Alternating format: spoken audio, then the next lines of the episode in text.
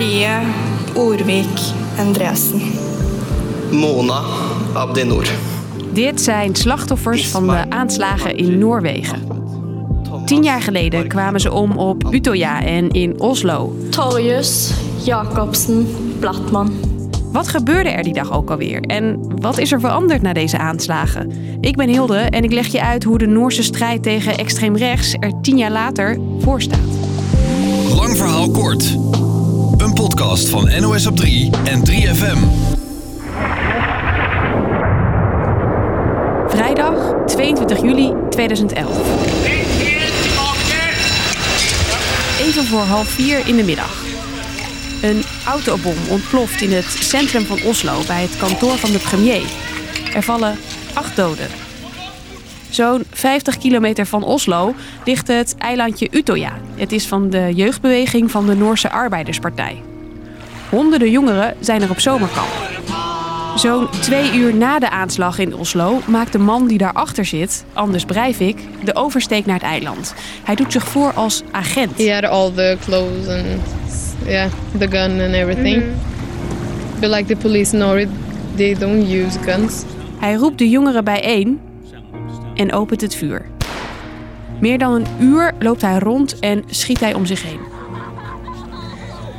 Tot de antiterreureenheid van de Noorse politie op het eiland komt en hij zich overgeeft. Dan heeft hij 69 mensen doodgeschoten. Noorwegen, het land met het imago dat er nooit wat gebeurt, is voorgoed veranderd. Breivik bekent de bomaanslag en het bloedbad op Utøya. Hij vindt zijn daden noodzakelijk om de islamisering van Noorwegen te stoppen. In augustus 2012 wordt Breivik veroordeeld. Anders Behring Breivik dømmes for overtredelse av til forvaring med en tidsramme på 21, 21 år. Hij glimlacht als hij 21 jaar cel krijgt. De maximale celstraf in Noorwegen, die wel keer op keer kan worden verlengd. Voor de aanslagen publiceert hij online een ruim 1500 pagina's stellend extreemrechts manifest. Dat volgens deze terreurexpert nog steeds online rondgaat. Ja, dat manifest dat is door velen online gedeeld en offline gehaald en weer online gezet.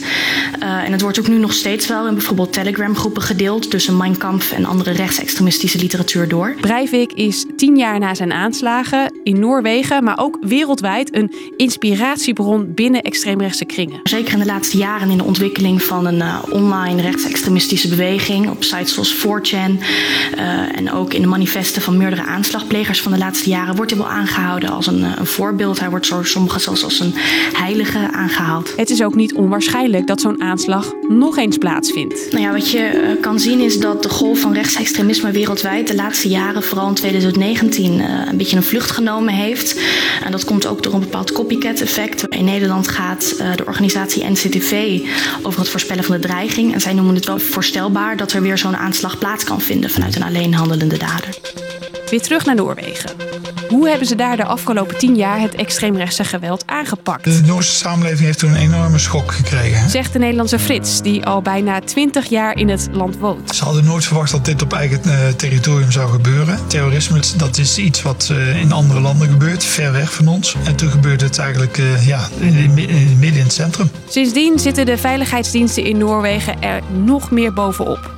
Dat moet ook wel, zegt Frits, want het rechtsextremisme is er groot. Het wordt gezien als een van de belangrijkste gevaren in de maatschappij. Want ook jaren na de aanslagen, in 2019, kreeg het land te maken met extreemrechts geweld. Een man vermoordde zijn Chinese adoptiezus, waarna hij probeerde een aanslag te plegen op een moskee in de buurt van Oslo.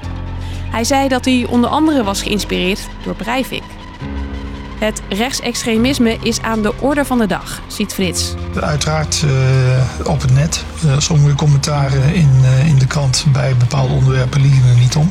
Er zijn commentaren geweest waarbij werd beweerd dat er eigenlijk nog niet genoeg doden waren gevallen. En dat is behoorlijk hard. Het land heeft daarom een programma ontwikkeld om mensen te deradicaliseren. En vooral te voorkomen dat ze zich aansluiten bij rechtsextremistische bewegingen vertelt deze Noorse politica. Even down to daycare levels, uh, kindergartens, youth and children, young voices can play a key role in preventing radicalization. Zelfs al op de kleuterschool proberen ze het radicaliseren dus te voorkomen.